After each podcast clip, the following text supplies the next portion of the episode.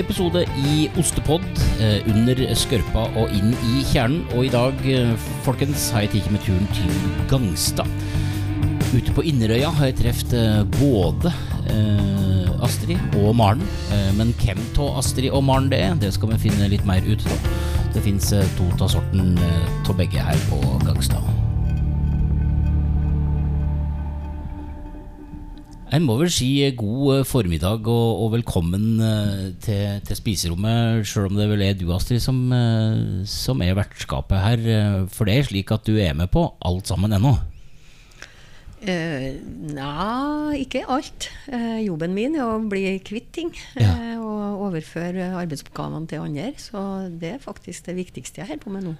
Men for å ta det der spørsmålet med en gang, da. Eh, når du nå går på, på jobb, da, rusler over tunet eller kommer inn her eh, på Mørgosbeita. Eh, hadde du tenkt disse tankene om størrelse og mengde når du starta i starten der? Nei, vi var nok ganske langt unna det som vi sitter i i dag. Mm. målet mitt var å lage en egen arbeidsplass for meg sjøl på gården. Mm. Mm. Og kanskje om jeg skulle klare å ha en ansatt i tillegg. Ja. Og nå er vi eh, tolv eh, årsverk i ysteriet og to-tre årsverk på gården, så det er rundt 15 hele stillinger når vi regner sammen. Vi har jo en del sommervikarer òg. Ja. Så det har blitt noe helt annet. Ja. Vi skal uh, si uh, god formiddag til deg også, Maren. Uh, du skal få lov til å snakke litt mer om når vi skal snakke litt om både tekniske og mattekniske ting.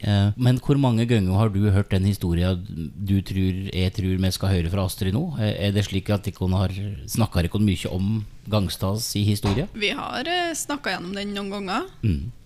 kanskje i forbindelse med at det skal komme noen busser. og ja det har jo kommet noen eh, som har ville ha noe foredrag på engelsk. Ja. Og da har jeg måttet ha tatt historia historien i litt ja. kort. da. Ja.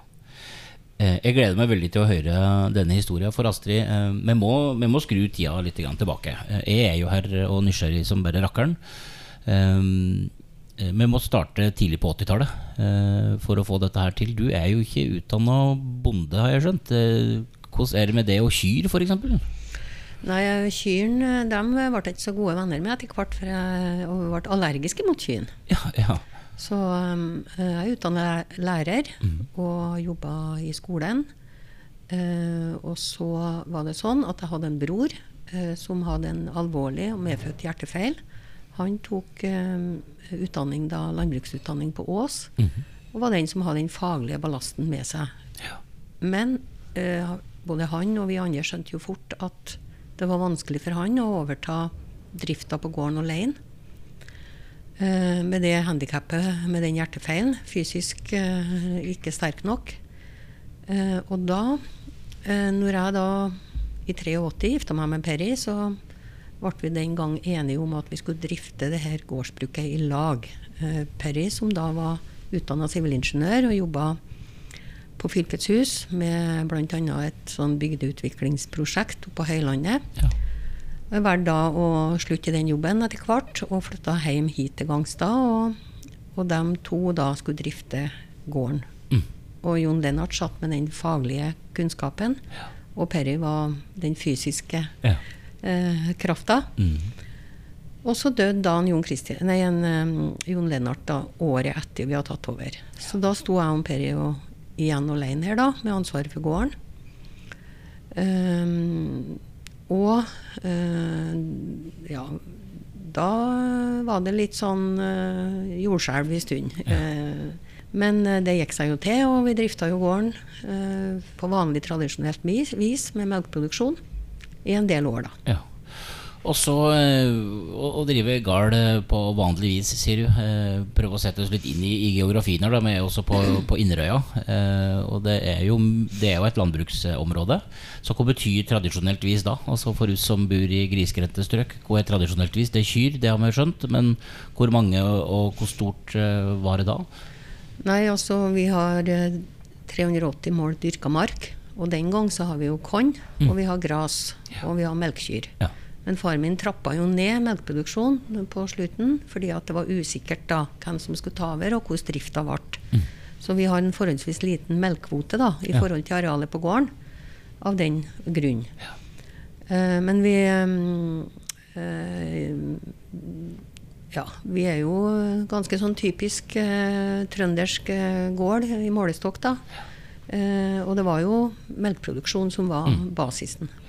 Men, men ifra å være vanlig trøndersk gard størrelse og lik, så, så er det har jo blitt hysteri i dag. Altså, hvor, hvor starta den der ønsket om å lage noe av egen mjølk? Eh, begynnelsen på den prosessen det kommer kanskje av at jeg fikk tilbud fra Siri Bruheim, eh, som jobba hos Fylkesmannens landbruksavdeling.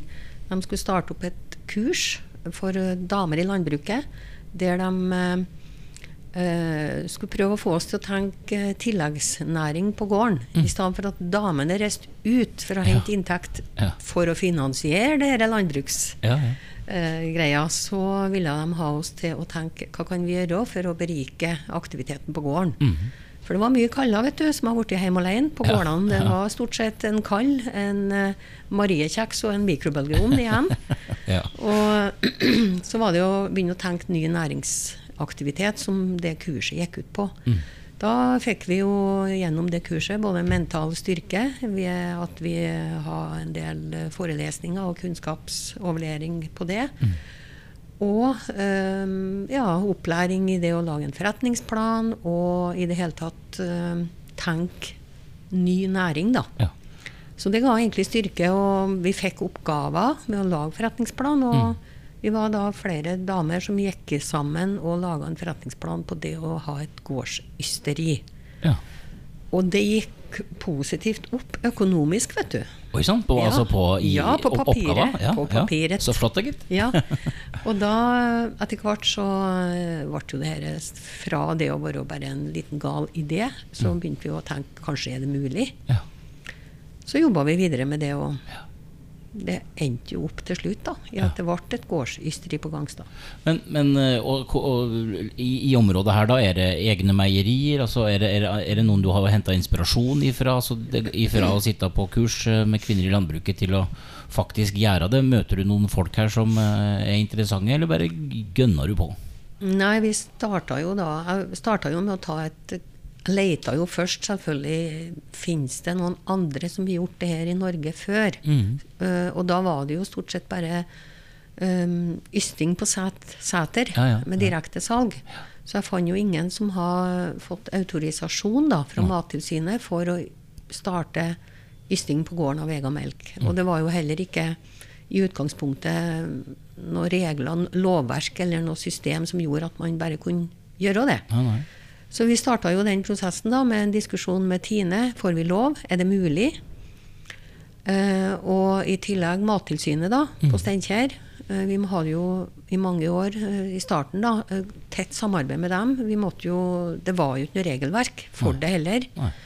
Så det måtte lages, og det gjorde vi i tett samarbeid med Mattilsynet på Steinkjer. Og vi har tett samarbeid òg med Tine da, mm. og Finn Bjørgo, som da jobba på Verdalen uh, var jo en uh, kjempenyttig person for oss. Han satt jo med kompetanse.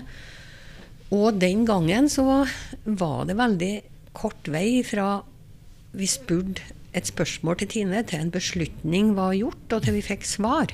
Ja.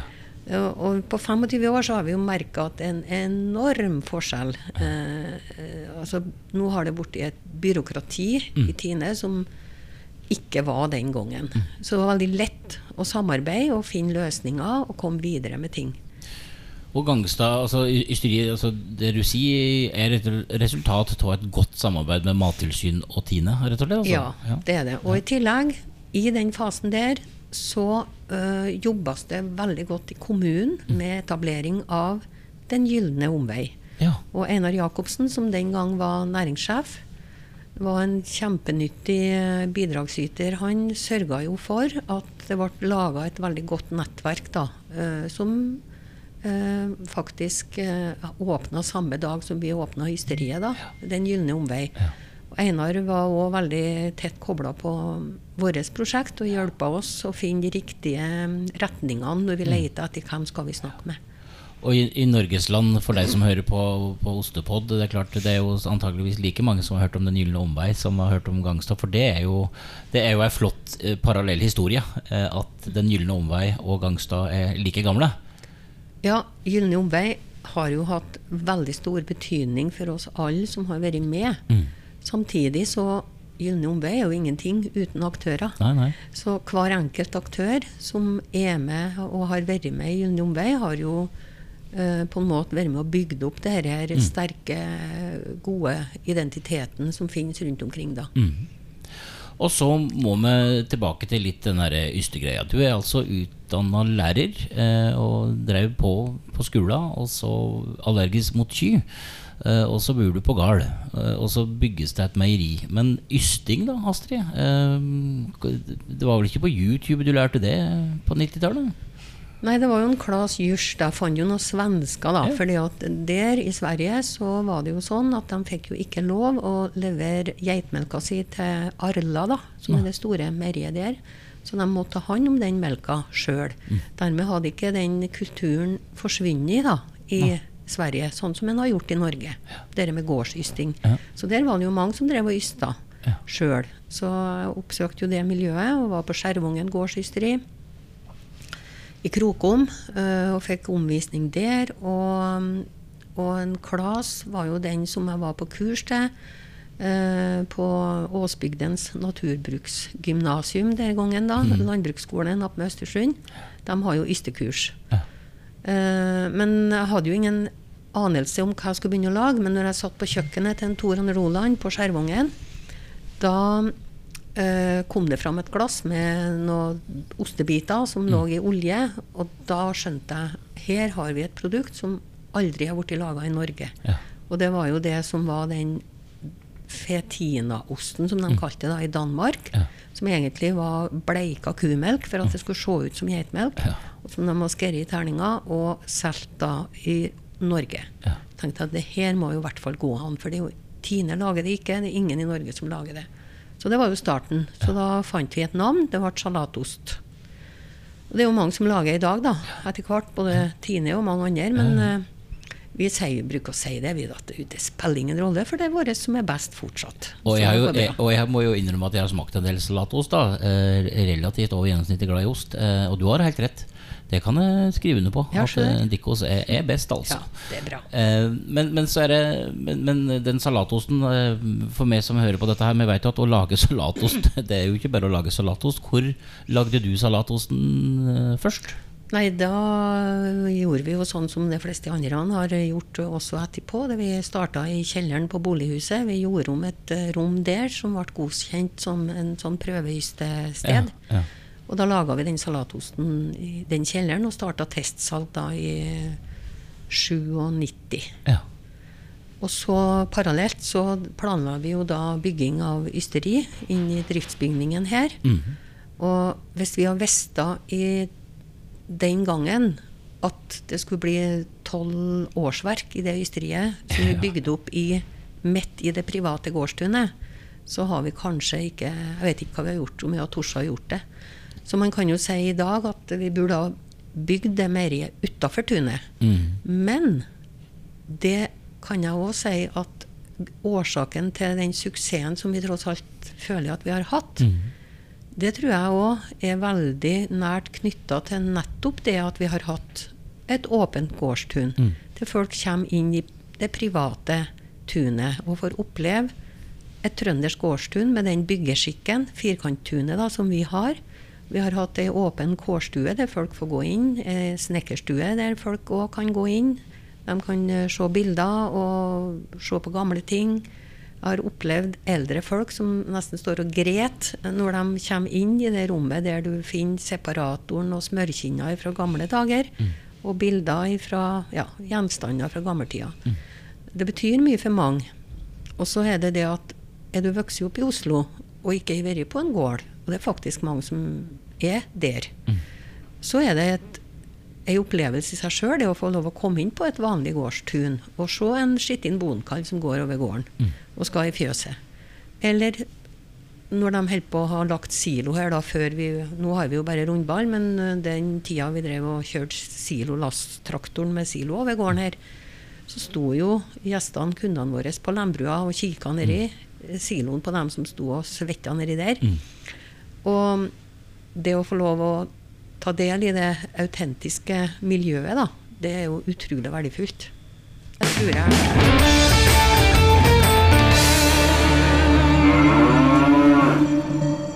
meg rett inn i, i, i, fjøset der. Eh, det autentiske eh, bulivet. Men vi er nødt til å snakke mer om ost. Hvor mange oster er det Rikon har nå? Altså Hvis du klarer å telle opp. For jeg har nemlig vært på omvisning. Jeg.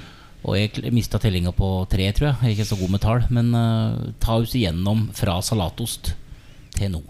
Ja, det jeg har problemer sjøl med hvor mange vi har. At, det, vi bruker å se vi har ca. ti. Ja. Fordi at eh, Jeg skal fortelle dere noe veldig lurt. Mm -hmm. Hvis det skjer ting med ei ysting som gjør at osten kan bli litt annerledes, da lager vi bare et nytt navn. Ja, ja det er Nettopp. veldig lurt. Ja. For da har vi ikke en mislykka ost lenger. Nei. Men uh, hvis osten er god, vel å merke, mm. da har vi en ny ost. Ja. Og det hender det dukker opp sånne oster her. Ja. Og vi tester ting. Så i um, ysteriet her, så kan det oppstå plutselig en eh, to-tre ekstra oster ja. uh, som man ikke ser ut i butikk. Ja. Og det kan være periodisk. Ja. Men ellers så er det sånn ca. ti oster. Men uh, salatosten var jo starten, og så uh, oppdaga vi jo fort at strør vi hvitmugg oppi den ostemassen, så har vi jo plutselig både en camembert og vi kan, hvis vi rører og varmer litt mer i den ostemassen, så har vi edel hvit, som vi øser opp i en annen form. Og så har vi karveost, samme ostemassen, bare med Inderøykarve, da, som vi dyrker rundt på gårdene her. Og så har vi noe hjerteformer med krydder oppi. Da ble det en fjerdeost med hvit hvitmugg. Og det er samme type ysting, bare litt forskjellig osteformer, litt forskjellig krydder. Og mm. da har vi plutselig mange ulike sorter som mm. kan eh, få ulike kundegrupper, da. For, for oste, og du, du, er jo tydelig på det at osteformig og størrelse på det, det har noe med smak og intensitet ja, å gjøre? For jo større forma er, jo lengre tid må vi som regel bruke på modninga, og mm. smaken utvikles forskjellig da. Så eh, når det gjelder familien blåmuggost, da, så mm. tror jeg vi har fire forskjellige, fem kanskje òg nå. Det er alt etter forma her, da. Men ja. vi har jo edelblå, vi har Nidelven blå, vi har Britannia blå, vi har himmelsk blå. Ja. Eh, og da er det jo ofte eh, små justeringer av eh, osteform og konsistens. Ja. Som gjør at smaken blir ganske forskjellig. Men, men kommer, kommer de på Du sier jo at med liksom et, ei uheldig ysting så kan det bli en ost. Men Eh, Nidelven-blå og Britannia-blå. Det høres ut som det har noe med Trondheim sentrum å gjøre. To av de tingene? Ja, vi hadde jo laga den store blåosten før òg. Det var jo litt sånn at vi auste opp uh, ostemasse i de små osteformene, men så hadde vi ikke nok til å fylle 1000 liter melk eller 100 kg ost opp i de små formene. Og da tok vi noen store former Uh, og i starten så het det jo edelblå alt sammen. Oh, ja, ja. Men så tok Scandic Nidelven kontakt og ville ha en ost på bordet til dem. Mm. En litt stor ost. Ja. Så gjorde vi litt sånn justeringer på resepten, og så gjorde vi om navnet og kalte den Nidelven Blå. For da ble det litt bedre eierskap da, til Scandic Hotel. Men det var jo en ost som vi har laga før. Ja. Og når uh, Britannia hotell da, eh, åpna, og samme kokken eh, hoppa over dit, ja. så ville han ha en ost han på det hotellet. Mm. Da laga vi litt, nesten samme osten som vi har gjort før da, i den store forma, men vi laga den litt mjukere, løsere, for han ville ha en mildere, mjukere ost da til frokosten. Ja. Og så tok vi og ordna sånn at vi fikk hvitmugg utenpå og blåmugg inni. Og så kalte vi den Britannia blå. Ja. Det, og den har vi da levert kun til det hotellet. Og den fikk eh, gull på VM nå da, i siste høst. Ja. Så det var litt artig. Ja. Tenker du at det er avgjørende for Dikon at Dikon har produktutvikling så tett med, med, med sluttbrukere og, og, kokker og andre fagfolk som er der, og at det ikke bare er vilja til damene på ysteriet eh, som, som slår igjennom? Ja, det er jo kjempeartig at vi kan ha tett samarbeid med kokkene og få laga ting etter deres ønske. Mm. Fint for dem og fint for oss. Mm. Når eh, vi nå liksom har tatt paletten da, eh, med, med osti her, eh, så må vi prøve å eh, litt tilbake til, til 98 der. For det, det, skjer noe med en lisens eller en mulighet du får. Ikke sant? At du, du, blir autorisert, du får lov til. Du snakka om det med Tine. Hvem var det som ga den derre Åssen fikk du liksom license to yste? ja, det heter å få autorisasjon, da. Ja, ja. Vi får et meieristempel. Ja. Eh, et ovalstempel som på en måte er dokumentasjon på at her er en, en godkjent ysting, som, mm. der vi har lov å både levere til butikk, og vi kan eksportere hvis vi vil. Ja. Men det krever jo da at vi på en måte innretter oss sånn at selve produksjonen foregår på en uh, forskriftsmessig måte. da. Ja. Og at vi kan dokumentere uh, rutiner, og har, har, gode rutiner. da. Mm. Uh, og det når vi skulle til med det der, så var det jo egentlig ikke noen mal for det. Ja. For det var jo bare maler for de store meieriene. Mm. Og de som ysta på setra, har jo ikke autorisasjon for å selge i butikk. Nei. Så vi måtte jo gjennom en prosess der man fant hva skal malen være, hva skal kravet være da, for å gjøre den jobben. Um, og da var vi i tett samarbeid med Mattilsynet på Steinkjer, og de har vært fantastiske hele veien. De har vært både rådgivere, som de kanskje ikke egentlig skal være, men de mm. gjorde jo det. Mm. Og de har vært støttespillere hele veien. Og vi fikk til en god prosess. Og klart, når vi satt da med vår internkontroll den gangen, så var jo det en enkel plan da i forhold til det som kreves nå. Ja. Så det har jo stramma seg til. og krav om en HASSUP og, mm. og, en mye mer dokumentasjon og bredere um, dypere mm. Du må jobbe mye mer da, med å dokumentere alt, og det er mye strengere krav nå enn det mm. var for 25 år siden. Ja. Men den autorisasjonen eh, Dikkon fikk, den fikk du i 1998. Eh, og det, ja. si, det var ingen andre som hadde fått sånn utenom de store da? Nei, var, vi var første gårdsysteriet som fikk autorisasjon for å yste av egen melk på gården. Ja. Men da har vi nå tatt vi jo snart steget opp fra kjelleren og prøveysterom og begynne å flyttes innover i et, et fjøsbygg, da, eller midt på, på, på tunet her. Eh, hvor, hvor eh, tas gjennom dette ut, denne utbygginga fra kjeller til Hvor begynte du hen?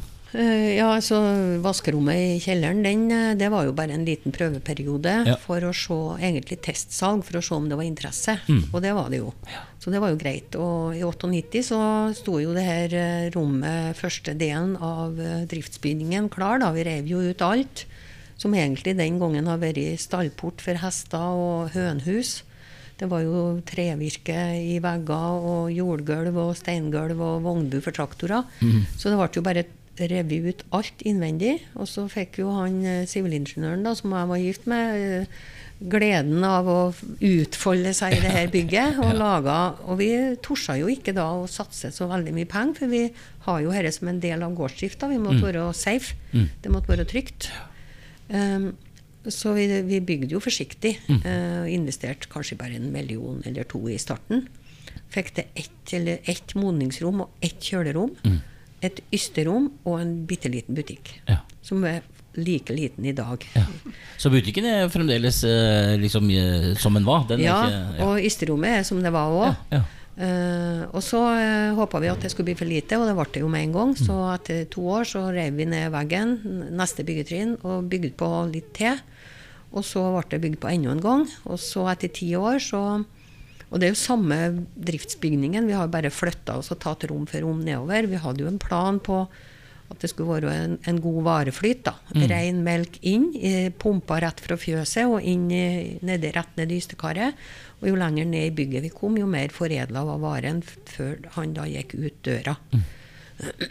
Men uh, så kom vi til det stadiet Ja, og så etter ti år så begynte jeg å føle det var så mange som spurte meg har du noe nytt. Nei, noe nytt, tenkte jeg. Ti år? Nei, jeg har ikke tenkt vi skulle ha noe nytt. Men så var det en fredag ettermiddag jeg kom inn og leste Bondebladet. Så sto jeg er ditt eh, område for riskremproduksjon eh, ledig? Eh, ja. Og da var det jo noe konsept der da med, ysti, nei, med mm, isproduksjon, der du kunne i samarbeid med et opplegg i Nederland kunne få tak i en del råvarer da, til å lage is. Mm. Og så måtte du, var kravet at du skulle bruke egen melk og mest mulig lokale råvarer. Da. Så vi knytta oss til det og kom i gang med iskremproduksjon da. Ja. Ti år etter at vi har starta med osten. Ja. Så vi har vel en ti-tolv forskjellige sorter is òg. Ja. Og det er jo blitt en eh, viktig del av det å få folk til å komme til gården her på sommeren. Mm. Da kommer de hit med ungene som eh, er lei av kunstutstillinger og diverse annet. Ja. Og så setter de seg ned i tunet, kjøper seg en is og en kopp kaffe. Ja. Så det viktigste er egentlig gårdstunet og opplevelser med å sette seg ned her med en is og en kaffe. Ja. Så leverer vi til en del butikker, men eh, også har vi ganske store leveranser til Hurtigruten. Ja. Så Hurtigruta eh, bunkra opp eh, islageret sitt eh, ja, fra Gangstad. Det er de. Ja.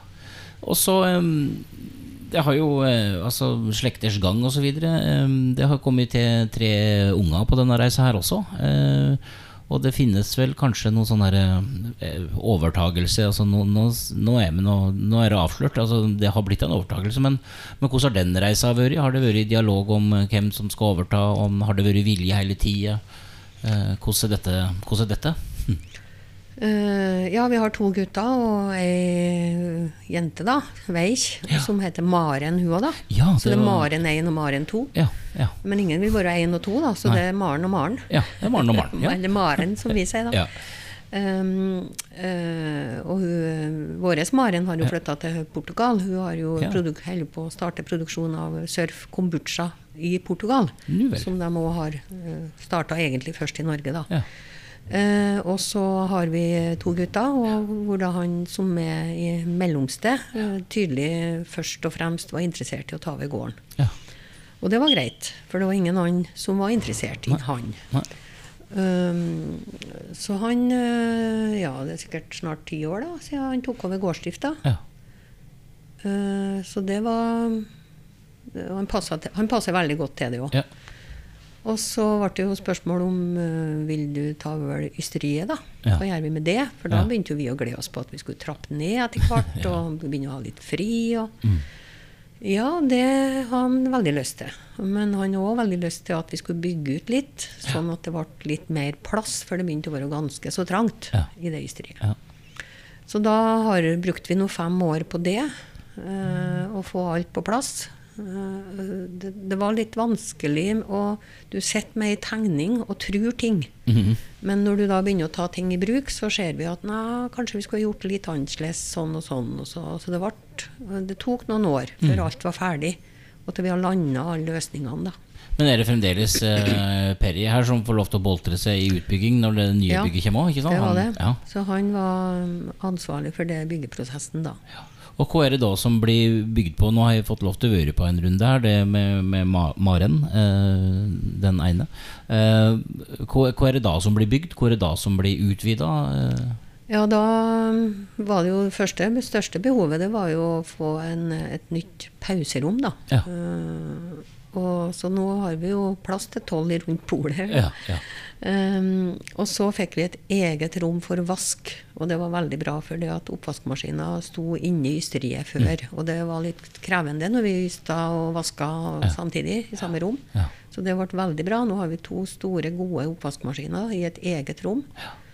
Og vi har òg fått eget rom for å ta ost ut av uh, formin og salte. Og, ja. mm. og så flere nye modningsrom. da. Ja. Og et eget pakkerom, sånn at ikke vi sprer både blåmugg og hvitmugg overalt når vi holder på å pakke. For når, jeg gikk rundt her, så det er liksom det er ei sånn svær hvit kjøledør folk kanskje har sett på, på restaurant, og så står det blåmugg, og så står det hvit mugg. Um, mm. Og det, det, er aldri hvitmuggost inni det blåmuggrommet osv., for det er nøye.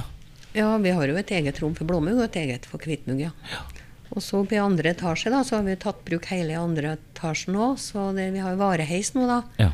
som går uh, imellom etasjene. Uh, og ned på underetasjen, da, der vi har rampe for utsending av varer. da. Mm. Så klart, uh, hvis alt skulle ha Har vi bygd helt på nytt, mm. så hadde det vært Har vi nok fått unngått å ha, ha en vare var, eller unngått å ha i flere etasjer. Ja, ja, ja, Men uh, fordi at vi vet at det er så viktig for uh, også de besøkende å komme inn i tunet her, så velger vi å bruke den eksisterende bygningsmassen. Så um, uh, vi syns jo det fungerer godt, og vi har jo funnet løsninger da, på ting her. Ja.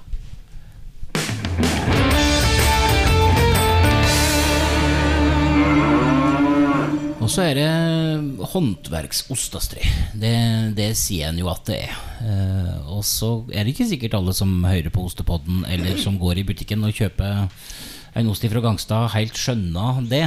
Eh, men det er jo håndverk. Eh, altså Går det an å springe gjennom fra mjølk kommer inn pumpa fra fjøset til liksom det går ut i andre enden her. Altså, det, er, det, er, jo et håndverk. Det imponerer jo meg da, som får lov til å reise rundt. Og se alle de hendene som er i drift. Uh, går det an å liksom ta ut igjennom produksjonen av, uh, av, en produksjonsdag til den er ute på lastebilen? Ja, nå uh, har det jo vært sånn i 25 år her da, at vi har pasteurisert melka ned, nedi ystekaret mm. om natta. Så vi har tappa melk over i ystekaret om kvelden.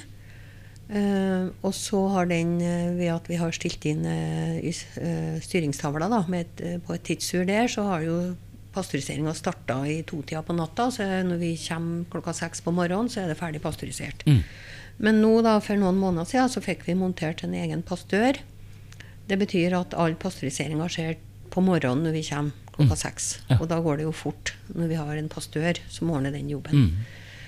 Uh, vi har jo melkerobot i fjøset, og vi, vi, vi har nå valgt å pasteurisere ut ifra at vi ikke, altså, roboten er nå en robot. Mm. Mm.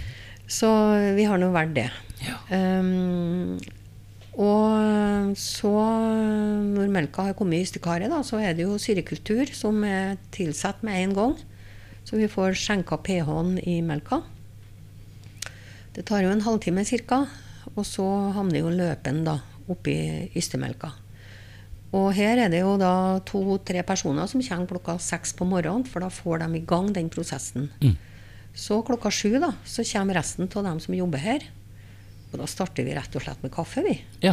Fordi at det er så trivelig. Ja, for det sa, det sa ja. når jeg kom i dag tidlig. Så nei, det, det, for det så ut som det hadde vært folk her, og du sa at det var kaffepause klokka sju. Yep. Da skjønner jeg at den begynner å Det er perfekt. Da får de 20 minutter til å vakte den til liv. Ja og gnu øynene og få kaffen. Og, kjenne, og, så fordeler vi arbeidsoppgaver og motiverer oss på ja. hvem som har ansvar for hva. Mm. Så det er veldig godt, tror jeg, for um, både det ene og det andre. Mm. Eh, både miljøet og for folk flest. Ja.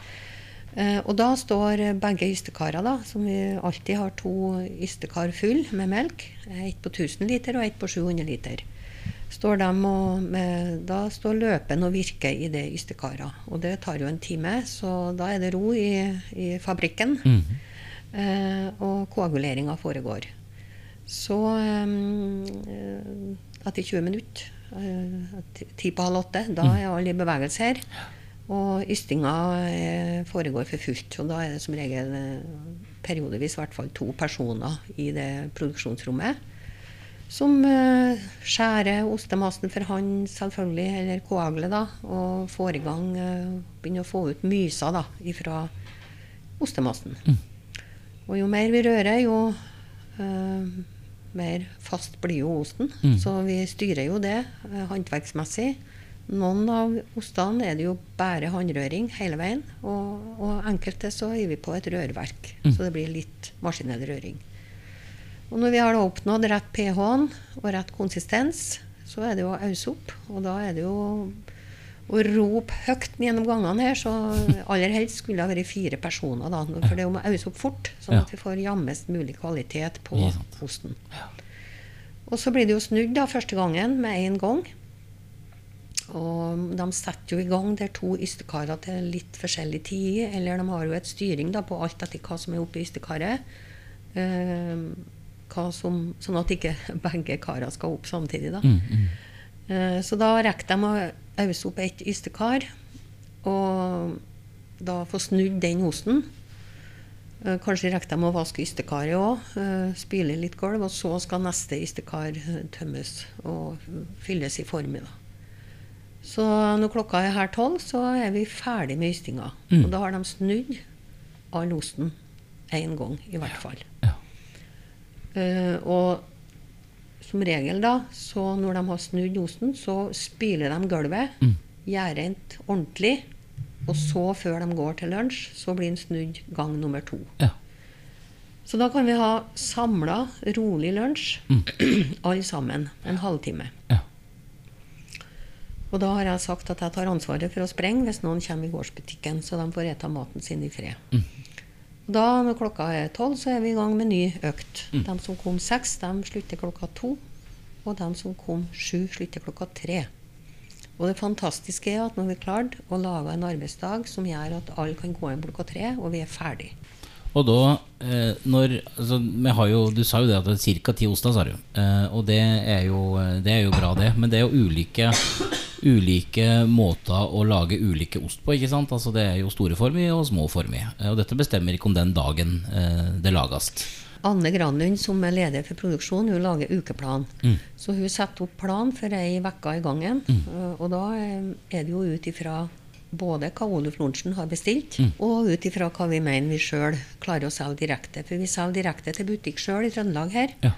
Og så leverer vi til Oluf Lorentzen når vi skal til Meny. Rampa her eh, er jo i slutten av eh, runddansen eh, her inne. Hvor lenge er en ost hjemme på Gangstad før den forsvinner ut til folk?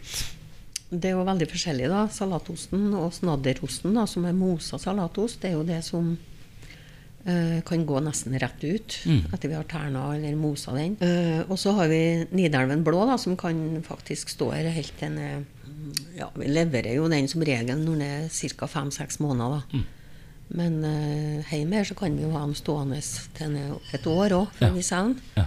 Og så har vi jo prøvd oss på litt sånn uh, hardost, da. Mest, og kun egentlig for videresalg hjem. Ja. Og fordi at vi syns det er veldig artig og veldig godt. Mm. så har vi hatt litt testproduksjon. Ja. Og den har vi jo den vi har rett i dag, da, er jo tre år gammel. Ja. Men problemet er at vi har ikke noe god løsning ennå på et nytt, eller på et eget modningsrom på, med rett temperatur. Så derfor um, ligger det litt på vent, da. Ja.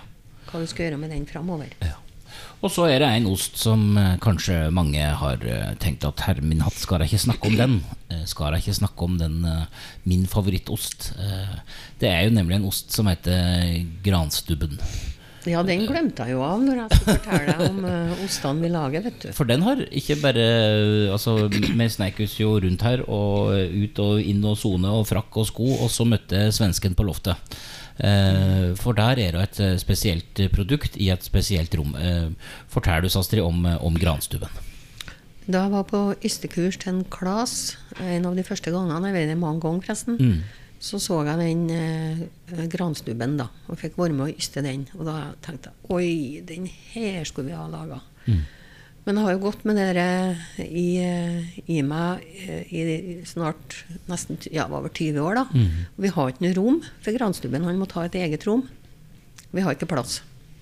Så jeg gikk jo bare håpa at ingen annen i Norge starter med granstubben. Mm, mm. For det hadde jeg tenkt, det skal vi gjøre. Så når nybygget her var ferdig, så har vi plass til det. Og den eh, er jo en rødkittost som blir vaska i linensbakterie annenhver dag i 10-12 dager. Uh, når den blir ysta, så, blir vi, så, får vi Vi har granbark, sånne strimler av granbark. Eller egentlig ikke bark, det er, av, um, det er fra ei sånn tynn, tynn, tynn spongreie mm. som vi får faktisk Det er litt ekkelt å fortelle det, men vi må mm. faktisk kjøpe det fra Frankrike. Ja. Det er barken, eller granstrimla, da, mm. som vi surrer rundt osten. Vi har sjekka om noen i Norge kan lage det, men det var ingen interessert i. Nei. Så det er Pascal som hjelper oss å få tak i den. Mm. Den blir surra rundt osten når osten er snudd. Eh, og, og, så blir den salta med det barken på mm. dagen etterpå. Og så havner den på et eget modningsrom der den da blir vaska annenhver dag. Mm. Uh, så skal jo den eh, modnes, da. Og så skal den, når forbrukeren får den med seg hjem, så skal den steikes. da. Ja. Spises varm. Og, og, og, det er jo altså Jeg har vært i mange, mange sammenhenger der det er liksom Det er jo både julekveld og påskeaften og alt mulig på samme tida. For de kan ha jo lagd en egen form som den legges i, og det finnes ei oppskrift. Eh, hvor, hvor, stor del av, Gangstad-produksjon er Granstubben nå? Er liksom, det var ikke så stort rom der oppe? Nei, det, det, og det er det som jeg egentlig skjønner ikke helt sjøl heller. Det, det minste modningsrommet vi har. Ja. Men det ligger jo der ganske kort. Da. Det ligger der ti dager. Så mm. vi har jo og Granstubben og Nidelven blå er jo de to ostene som vi har absolutt best salg på da, mm. i, eh, i uh, Meny. Det er vel en av de største suksessene våre, ja. egentlig. da. Ja. Du sa tidligere, Astrid, at planen var litt å delegere vekk litt oppgave. Uh, og så går jeg rundt her og så ser jeg at det er jaggu mange påfunn som er her. Og så går vi opp på loftet, og så er det granstup og så er det nye der. Har du fått mindre oppgave nå, når du liksom har sluppet det til neste generasjon ditt? Ja, absolutt. Så nå er det jo nesten sånn at jeg kommer hit og lurer på hva jeg skal gjøre i dag. Da. Oh, ja. Ja. Men nå kom jo jula, da. Og da har jeg liksom hatt litt ansvar for butikken. Ja. Men så er vi jo litt på flyttefot òg. Vi skal holde på å restaurere, eller ikke vi, men eh, Ole Morten og Maren mm. skal flytte inn i det huset der vi bor. Ja. Så skal jo, det skal jo restaureres innvendig òg. Og uh, vi får ganske mye arbeid med å flytte på ting ja, nå. Ja, Jeg har uh, lite ansvar igjen i ysteriet nå. Og de tar jo oppgavene Det er jo ikke det som er problemet, at ikke de tar oppgavene. Problemet er jo at hun gamlekjerringa her må skjønne at nå er faktisk eh, er det noen som tar oppgavene. Og at mm. vi har snakka oss igjennom sånn at vi er trygge på dere, mm. begge partene. Mm. Eh, så derfor har vi, holder vi på nå med å lage et årshjul ja. der vi setter opp uh, ganske tydelig oversikt over de oppgavene som skal skje i løpet av et år. Og så mm. setter vi navn på de ansvarsområdene. Ja. Så det, det, det, er klart det blir en periode da, når vi holder på med dette her før vi har landa alt, så blir det en periode som, der det blir en del uavklarte ting. Der vi plutselig går oss på at uh, kanskje to jobber samtidig med mm. samme ting. Mm. Men det er jo etter hvert nå så kjenner jeg at det lander mer og mer, og det kjennes veldig godt ut. da. Mm.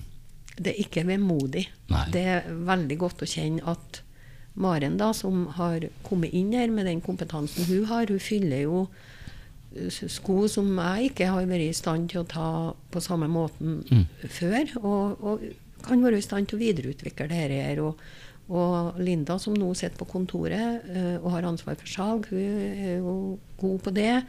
Og Anne, som er daglig leder i produksjon, hun har jo alltid hatt, i mange år nå, da, i ti år, hatt den jobben. Og er jo meget flink. Mm. Og alle de andre her òg det har blitt en fantastisk gjeng. Det er en gjeng som tar ansvar, og som vi har et veldig godt arbeidsmiljø, føler vi. Og de er stolt av jobben sin, og de tar virkelig Altså det er ingen som går hjem her og forlater en benk som ikke er rydda og vaska, og alt er i orden når de går. Så det er en helt fantastisk gjeng. Det er blitt en kultur som gjør at folk er stolt av jobben, tar ansvar og, og gjør jobben.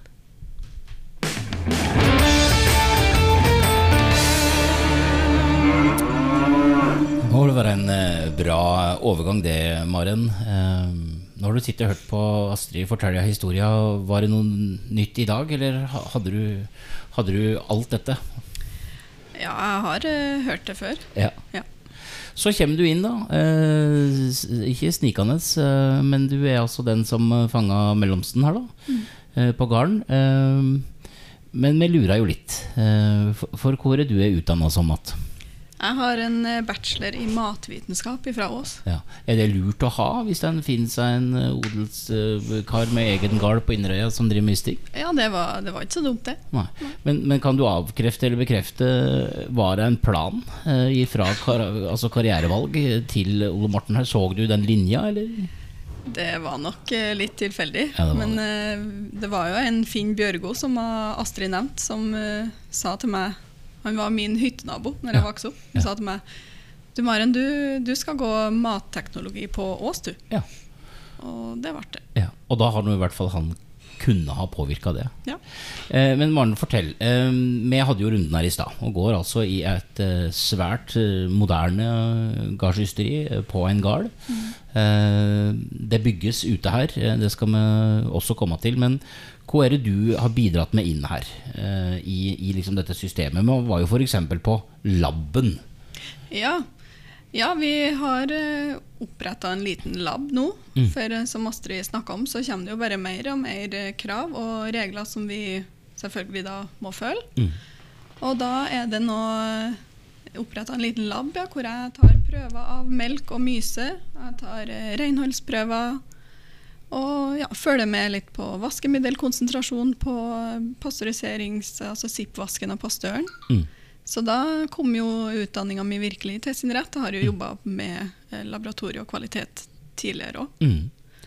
Det er ikke alle ysteri som, som har uh, en slik uh, del på seg, men det, det, er jo masse krav som, Altså Man må jo leie inn folk og, og, slik, men det må jo være et viktig bidrag eh, til at kvaliteten til eh, de som et dette på kjøkkenbordet sitt hjemme, er bra nok? da? Ja, absolutt. Og vi syns det er veldig verdifullt å kunne gjøre de kontrollene sjøl. Mm. For vi sender jo òg inn osten da, så klart til mm. ekstern analyse. Mm. Men eh, det gir jo en, en, litt ekstra trygghet da, for mm. oss å vite at ja, det vi holder på med her, det, det er bra. Ja. Og så er det jo slik eh, Det har kommet eh, Det er du som er mor til Astrid. Eh, mm. Den, den, lille utgaven, eller den unge utgaven. Og så Det står jo ikke på initiativ, for ute her så er det et stort prosjekt på gang. Ja. Altså Det var ikke bare dette huset Rico skal flytte inn i, men fortell litt om, om det som gjøres nå. Nå er vi i begynnelsen på fjøsbygging. Mm. Det kommer opp et nytt fjøs litt utafor tunet. da for å bevare sjarmen og fasongen på tunet. Mm. Så det kommer på et fjøs på ca. 1700 kvadrat. Og det er I dag har vi jo 40 årskyr. Mm. I det nye fjøset så blir det plass til 70. Mm. Det er jo klart, det tar jo litt tid å bygge opp til det. Men da blir vi jo mer uh, sjølforsynt med melk. Mm. Hvorfor gjør en sånn ombygging?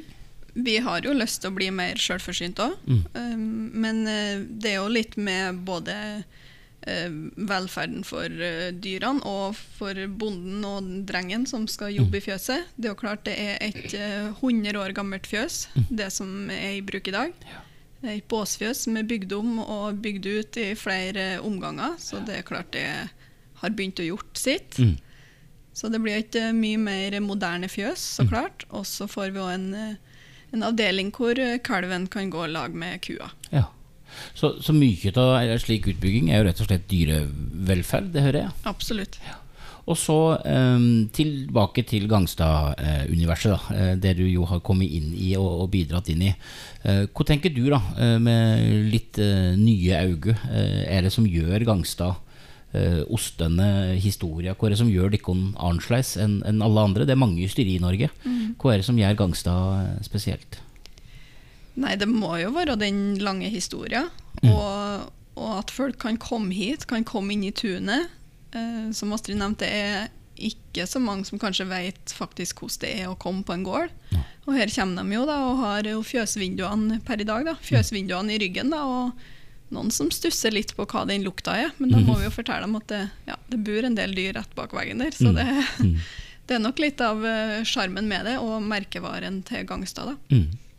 Hva er det du gjør, eh, sånn, eh, altså denne matvitenskapelige bakgrunnen din? Eh, mm. Bruker du den hele tida, eller er det andre ting du også liksom bidrar med inn som litt den neste generasjonen her, da? Ja, det har jo kanskje blitt litt sånn at jeg har blitt litt teknisk support òg. Mm, ja, ja.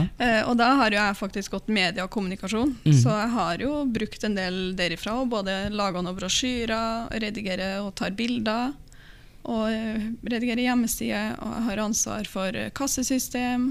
Ja. Så det er mer som kommer til nytte. For det er, ikke, det er jo ikke bare ysteteknologiske ting når en har kommet opp i, i, i, den farta som Gangstad har, kanskje? Nei, det er mange forskjellige arbeidsoppgaver her. Mm. Så det, ja. Jeg er med i ysteri òg, for det syns jeg er viktig å få, ja. få være der òg. Ja. Jeg har ikke ansvar for ystingene lenger, men jeg er med i ystinga en, en dag da, fast i uka. Det må jo være bra det når en skal ut og kommunisere ut i social medias, uh, at en mm. faktisk vet hva en prater om. Ja, absolutt. Hva ser du for deg helt framme der, da? Uh, når, ok, nytt fjøs. Uh, det er en, enda en ny generasjon på gang her, mm. som vokser opp i det samme miljøet. Hvordan ser du framme der, hvis du skulle liksom kikke litt ut over kanten? Ja, det er litt vanskelig å svare på, men det er jo klart vi vil jo fortsette å drive det i den ånden som Astrid og Peri har skapt. Og håpe at vi kan fortsette å være en god arbeidsplass for dem som er her, og for bygda. I god gammel eh, Perry og Astrid-ånd, Astrid. Eh, er, du, er, er, du fornøyd med det? At det blir omtalt som en sånn god Astrid-ånd? Du, du, du, har satt dine spor? Ja, det er jeg sikkert. Jeg er jo ikke akkurat uh, sånn laga at uh, jeg går stille i dørene heller. Det, det, høres jo hvor jeg er hen. Mm -hmm. Og det er klart, merkevaren preger du jo både med ting du gjør på en etikett og smak, men det er jo det dette du pakker det inn i. Mm. Opplevelsene mm. omkring folk og fe og gård. Og det å formidle jeg er jo veldig glad i òg. Mm. Så jeg syns jo det er veldig artig å fortelle historier og forklare folk hvorfor vi har gjort det vi har gjort. Mm. Og det er jo en del av det å bygge en identitet og en sterk merkevare, det òg. Å fortelle om produktet. Mm. Og så har jeg vært nøye på at jeg ikke skal eh, fremstille eh, landbruket som eh, at det er så håpløst alt sammen. Vi har gjort det her grepa for å møte eh, problemstillingene. Eh, og det gjorde vi vel i, i Kanskje var vi mer pessimistiske i god tid, da. Eh, ja. nå er det jo ikke enkelt. Men det å så forklare folk at vi har ikke gjort dette her fordi at vi har for lite å holde på med. Det var rett og slett fordi at vi syntes vi tjente for lite penger på mm. å levere melk. Og så var dette et grep. Så får de ta del i historien, og det er en del av identiteten til hele konseptet vårt. Mm. Da har eh, klokka gått, som det heter. Du som jo ikke Du skal jo på andre ting. Eh, Maren har sikkert andre oppgaver som skal gjøres i dag. Men eh, jeg må nå bare få lov til å si tusen takk. Vi sitter altså på dette omtalte eh, eh pauserommet med plass til alle sammen. Og meskaus med ost. Eh, så tusen takk for at du fikk komme. Og tri tvi med både utbygging av kliss nytt fjøs og du, Astrid, kanskje lykke til med å ikke blande det i alt eh, i framtida. Eh, så tusen takk for at jeg fikk eh, komme på besøk. Takk for besøket. Det var trivelig. Besøk.